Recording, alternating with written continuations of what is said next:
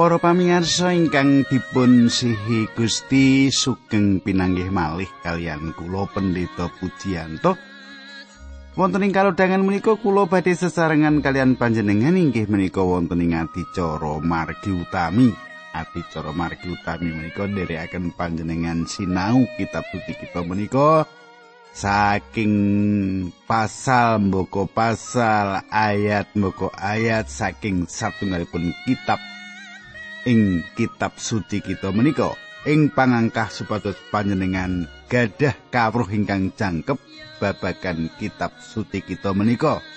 Awit saking menika manut kula adicara menika penting sangat kangge panjenengan supados nambah-nambah kawruh babagan kitab suci menika.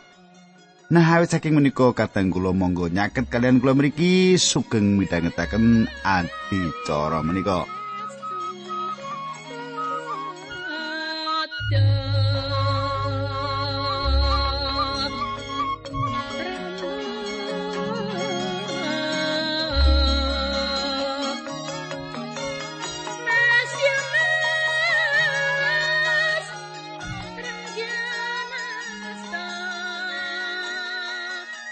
Kadang kula kula suwun panjenengan tasih kemutan menapa-menapa ingkang kawula andharaken ing pepanggihan kepengker.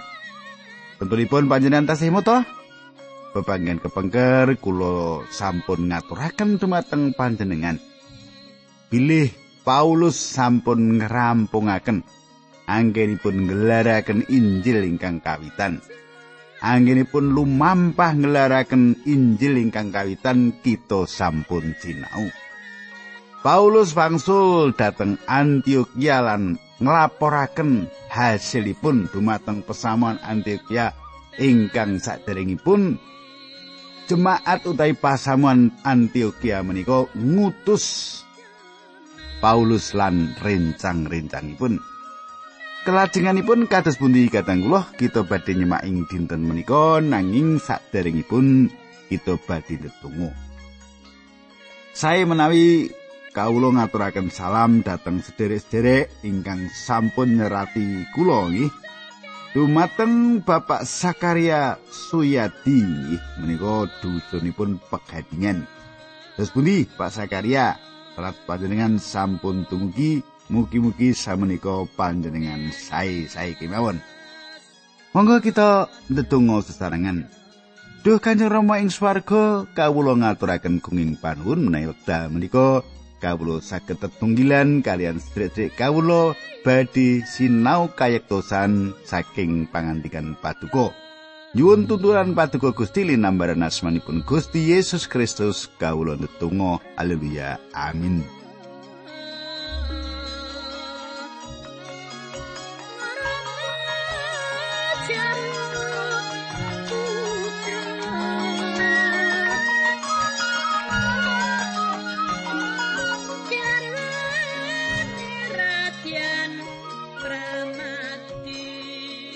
Para pamirsa, samenika pasinaon kita sampun lumebet ing kitab Para Rasul bab kang 11. Sampun lumebet ing kitab Para Rasul kang 11. Kita badhe wiwiti ing ayat setunggal kula badhe maosaken.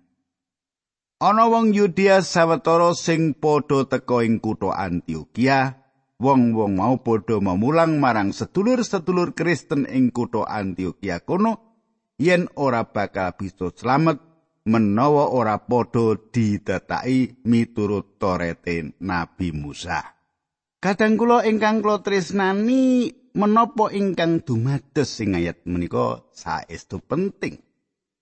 Mboten perkawis menapa tiang kedah disunat utawi mboten. Menapa tiang saged mangan daging utawi mboten pitakenanipun inggih menika menapa tiang kedan nindakaken perkawis menika. Tiang kedan nindakaken sunat supados kawilujengaken. Menika masalahipun. Samenika ayat kali piwulang mau njalari padu rame ing antarané wong-wong saka tanah Yudea mau karo Rasul Paulus lan Barnabas. Wekasane diputus supaya Rasul Paulus lan Barnabas tuwin sedulur sawetara saka kutha Antioquia kono padha menyang kutha Yerusalem perlu ngrembug perkara mau karo para pinituwa ing kono. Para pamirsa tembung padurami menika ateges tiang-tiang menika wonten padudon, padudon ingkang ngedapi-dapi. Ing mriki kita nyemak bilih sejatosipun Injil menika nembe dipun tangletaken. Kados pundi sahipun saking dewan menika.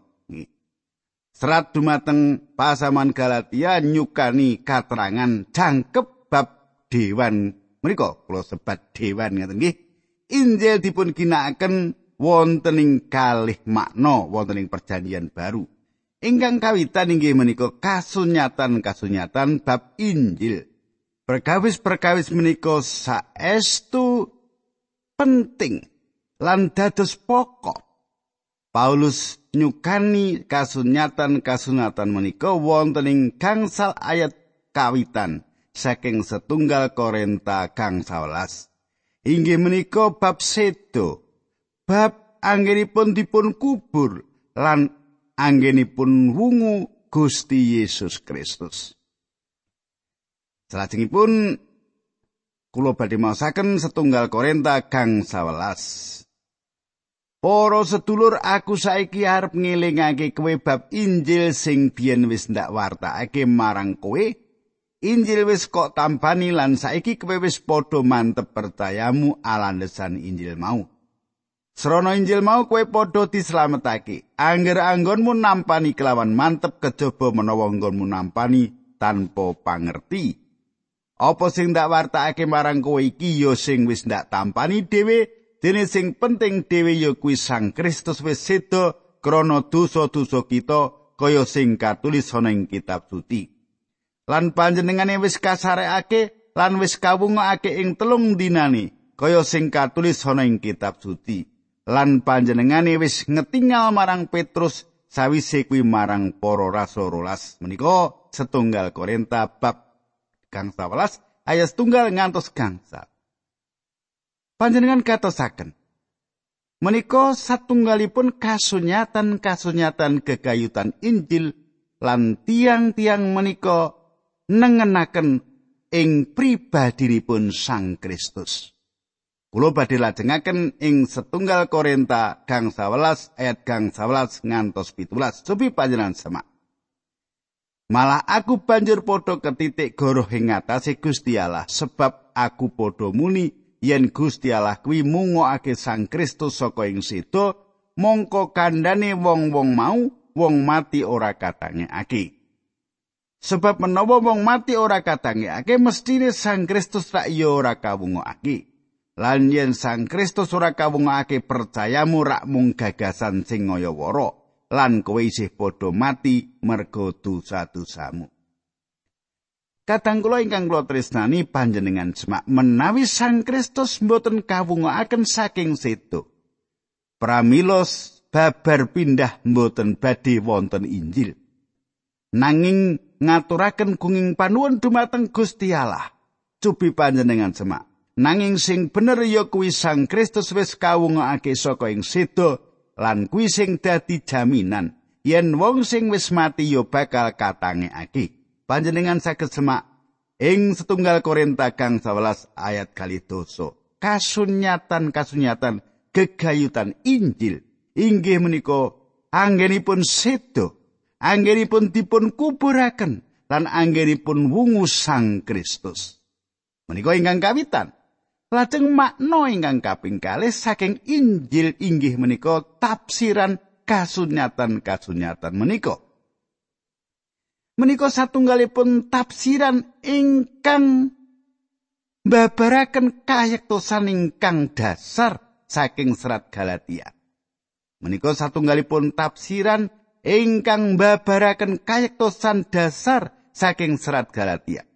Kados makaten Injil ugi gegayutan kalian kasunyatan menika ingkang dipun pratelakaken Paulus wonten ing salebetipun serat Galatia 3 ayat 21. Makaten surasipun nanging kitab suci nerangake yen manungsa sejagat iki wis kawengku dening panguasane dosa supaya perjanjian sing awawaton percaya marang Gusti Yesus Kristus diparingake marang wong-wong sing percaya.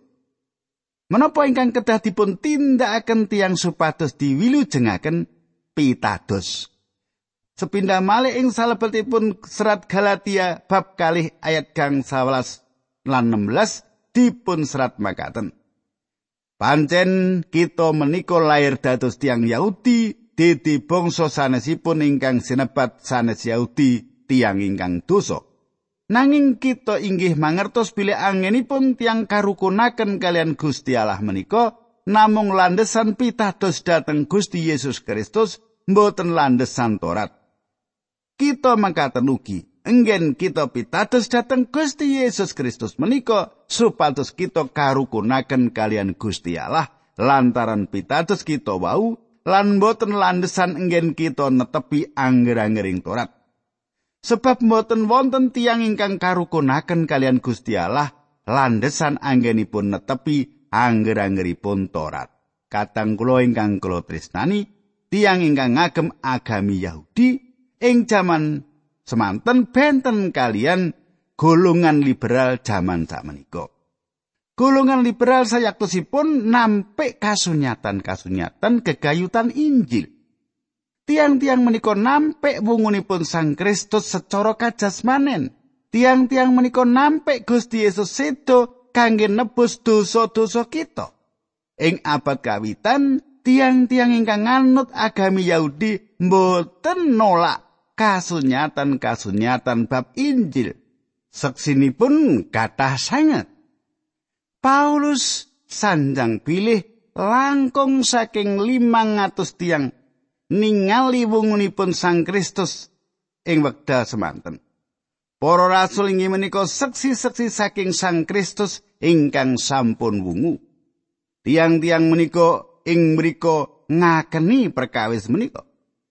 Kasunyatan-kasunyatan bab Injil mboten dados pitakenan saking tiang-tiang ingkang nganut agami Yahudi. Cecongkran tumados awit saking tafsiran kasunyatan-kasunyatan kalawau. Menapa ingkang dipun tindakaken Sang Kristus ing kajeng salib menika kangge panjenengan? Menapa pakaryanipun Sang Kristus menika cekap kangge ngawilujengaken panjenengan? Menapa panjenengan kedah nderek upacara-upacara adat utawi satunggalipun perkawis supados panjenengan dipun slametaken. Menapa panjenengan kedah nglampahi utawi netepi paugeran Torat nah inggih menika pitakenan-pitakenanipun. Jamenika kula lajengaken ayat 3 lan sekawan para rasul bab kang 11 Wong-wong sing padha diutus mau diuntapake dening pesamuan. Lagune para utusan mau ngliwati tanah Finisia lan tanah Samaria. Sedalan-dalan padha nyritakake wong-wong dudu Yahudi sing padha percaya lan ngakoni Gusti Yesus dadi Gustine. Pawarto mau banget gawe bungae para sedulur ing kono.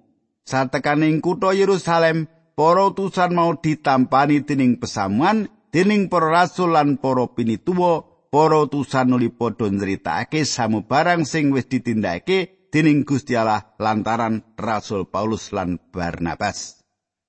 Para pamirsa panjenengan gatosaken Paulus lan Barnabas nyukani satunggalipun laporan dumateng gereja ing Yerusalem sami kados dene ingkang sampun dipun tindakaken dumateng pesamuan ing Antioquia.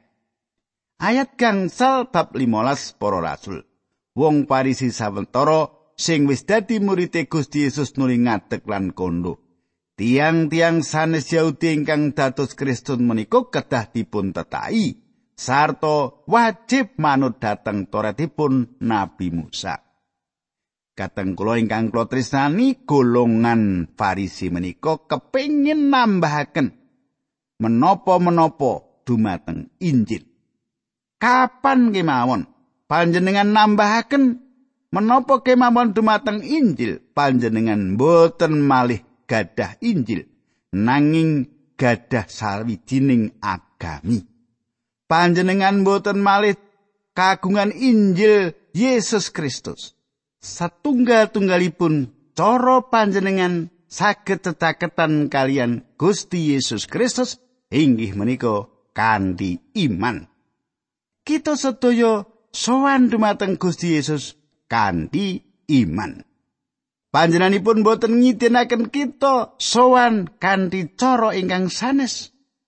Gusti Yesus ngendika, Aku iki dalane marang Gusti Allah lan aku sing nuduhake Gusti Allah kuwi sapa lan kepriye kanane aku go sing menehi urip marang manungsa ora ngomong siji wae sing bisa suwan marang Sang Rama yen ora lantaran aku Panjenengan saged nyemak Yohanes 18 ayat 6 Namung wonten setunggal pitakenan ingkang dipun paringaken Gusti dumateng jagat ingkang ilang. Apa kang kowe kabeh tindakake marang putraku kang mati kanggo kowe kabeh. Jawaban dumateng pitakenan menika badhe nemtokaken kahanan panjenengan ing salebetipun kelanggengan. Menika ingkang dados permasalahan ingkang perlu dipun rembak wonten ing dewan ing Yerusalem menika. Samenika para rasul kang 11 ayat 6. Para rasul lan para pinituwa nuli padha ngrembug perkara mau. Kadang kula ingkang kula tresnani, para rasul lan pinituwa sampun nglempak kangge ngrembak lan patus cara kados pundi angrampungaken. Bebantahan menika tambah rame lan ketinggal tambah keras. Satunggal putusan kedah enggal dipun tetepaken lan Simon Petrus ingkang kawitan maratelakaken putusanipun. Kula wasaken ayat pitu. Sawise suwe nggone padha bebantahan Rasul Petrus nuli ngatek lan muni mengkini. Para sederek, panjenengan sami pirsa kados pundi anggenipun Gusti Allah kala rumiyin sampun milih kula saking antawis panjenengan sedaya kapure ngabaraken Injil dhateng tiang-tiang sanes Yahudi supados tiang-tiang wau inggih sami mireng pawartos menika tuwin sami pitados. Kadang kula Petrus sampun meratelaken perkawis ingkang sami ing wekdal pamratobatipun Cornelius. Emut bilih Petrus piyambak kaget gegayutan kalian kasunyatan menika. Petrus dipun dawi kangge lumebet ing griyanipun tiang sanes Yahudi lan ngutbahaken Injil. Tiang-tiang menika mboten sunat.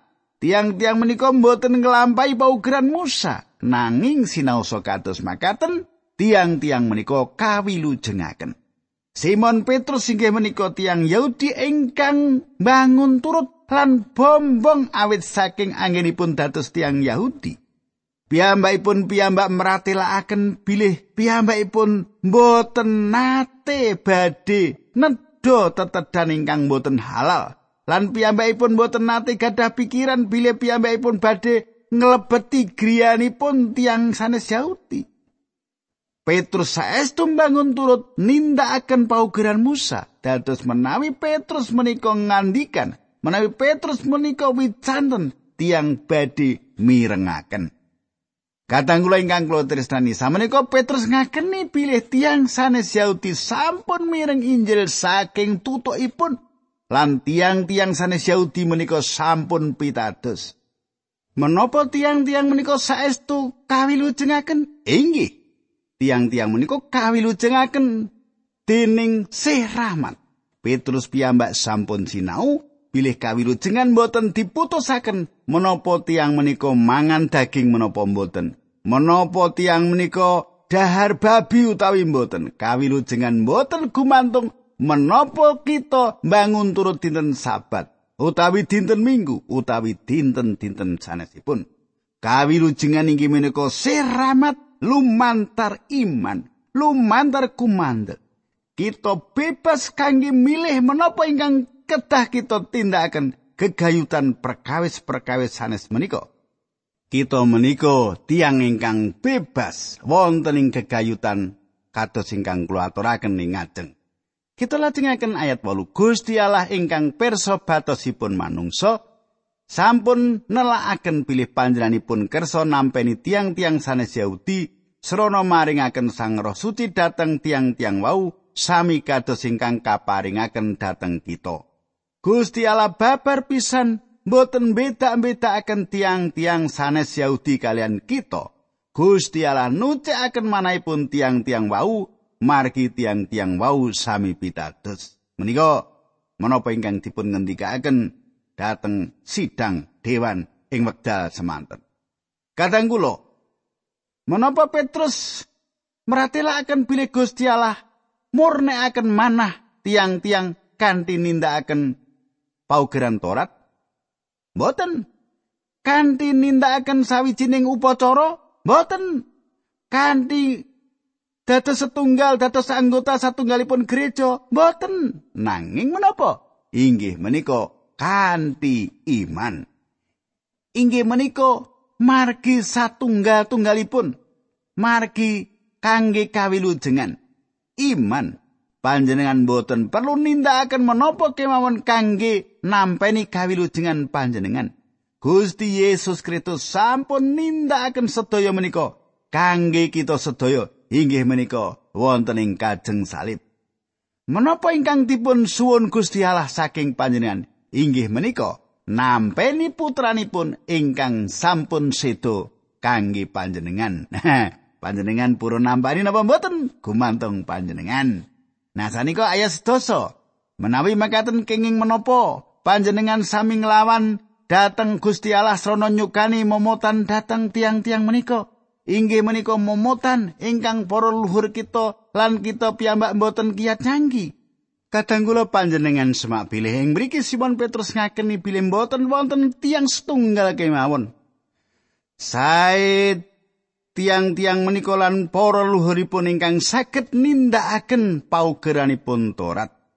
Mboten wonten tiang ingkang saged bangun turut dumateng paugeranipun Torat. Gusti Allah nyelametaken namung alandesan setunggal landesan inggih menika iman inggih menika pitados dumateng sedo lan wungunipun Gusti Yesus Kristus. Saderengipun Gusti Yesus rawuh, tiang-tiang sami misungsungaken pisungsung kanthi iman. Habil mangertos bilih cempe menika mboten nate saged nyucakaken dosanipun. Habil mangertos bilih cempe menika mboten saged nyucakaken dosanipun. Cempe menika nggambaraken satunggalipun panjenenganipun. Ing pundi Gusti Allah sampun ngendikan bapanjenenganipun menika lumantar ibunipun Habel. Gusti Allah ngendikaken bilih winih wiji tiang setri menika badhe dateng lan badhe ngidek sirahipun ulo. Menika saged panjenengan waos ing purwaning dumati 3 ayat kang 11. Habel pitados menika piyambakipun pitados dumateng Allah pun kawilujengaken kanthi iman. Dados Simon Petrus ngendikan, kita ora bisa mbangun turut paugeraning Torat. Panjenengan tingali, mboten wonten samubarang ingkang langkung lamis tinimbang kelamisanipun bilih panjenengan sampun nindakaken gesang ing tingkatan kasukman ingkang inggil bilih panjenengan sawek ngelampai ulangan ingkang dipun paringaken wonten ing khotbah ing lan panjenengan sawek nglampahi paugeran-paugeran Allah. Mboten wonten ginanipun asipat lamis. Kenging menapa panjenengan boten ngakeni bilih gesang panjenengan boten dados keparingipun Gusti Allah. Bilih panjenengan boten gadah kesagetan kangge bangun turut sedaya paugeranipun. Kenging menapa panjenengan boten sowan dumateng Allah minangka tiyang dosa lan pitados Sang Kristus minangka juru slamet panjenengan. Panjenenganipun badhe nampeni panjenengan, aku ora bakal nampi sapa wae sing marani aku. Menika pangandikanipun Gusti Yohanes 6 ayat 37. Inggih menika cara kula sowan dumateng Gusti saben tiyang ingkang nate kula panggi ingkang sampun kawilujengaken sampun sowan dumateng panjenenganipun kanthi cara menika. Saulus saking Tarsus sowan kados makaten menika. Sida-sida priagong Ethiopia sowan kanthi cara ingkang sami. Sedaya sampun sowan dumateng Sang Kristus sampun sowan kanthi cara kados makaten kalawau iman. Ayat 11 sampun ngantos sawit kita sami pitados lan dipun milu jengaken ada sih rahmat Gusti Yesus makaten ugi tiang-tiang sanes Yahudi menika Kadangkula Simon Petrus meratelaken indah sanget tiang Yahudi kedah kawilujengaken kanthi cara ingkang sami kados dene tiang sanes Yahudi dipun wilujengaken. Simon Petrus kawilujengaken awit saking sih rahmat Gusti Allah. Ayat 12. Wong-wong sing ngumpul ana ing kono padha meneng kabeh nalika ngrungokake critane Barnabas lan Rasul Paulus bab mujizat-mujizat sing wis ditindakake dening Gusti Allah ing antarane wong-wong dudu Yahudi lantaran rasul loro mau. Kadang kula menika satunggalipun satunggalipun cariyos ingkang ngedapi-dapi lan samenika kita badhe nyemak Yakobus. Yakobus sing mriki tamtunipun sanes Yakobus sederekipun Yohanes awit Yakobus menika sampun pecah. Lah menika Yakobus inggih menika Yakobus ingkang dados sederek kwalonipun Gusti Yesus ingkang kasebat Matius 13 ayat 50 gangsal. Menika ingkang nyerat serat Yakobus. Nah katang kula kula lajengaken ayat 13. Sawise kuwi rasul Yakobus nuli kondo mengkene para sedherek kula aturi mirengaken atur kula. Kadang kula sasampunipun Paulus lan Barnabas nyukani laporan dumateng tiang-tiang menika.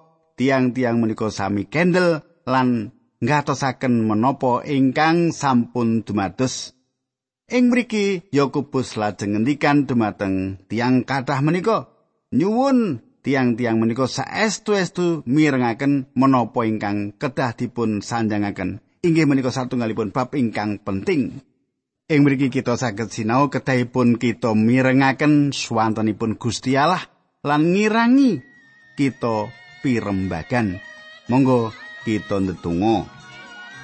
Duh Gusti Allah ingkang Maha kawula ngaturaken kuing panuwun menawi kawula saged sinau wonten ing asmanipun Gusti Yesus Kristus kawula ndedonga. Amin.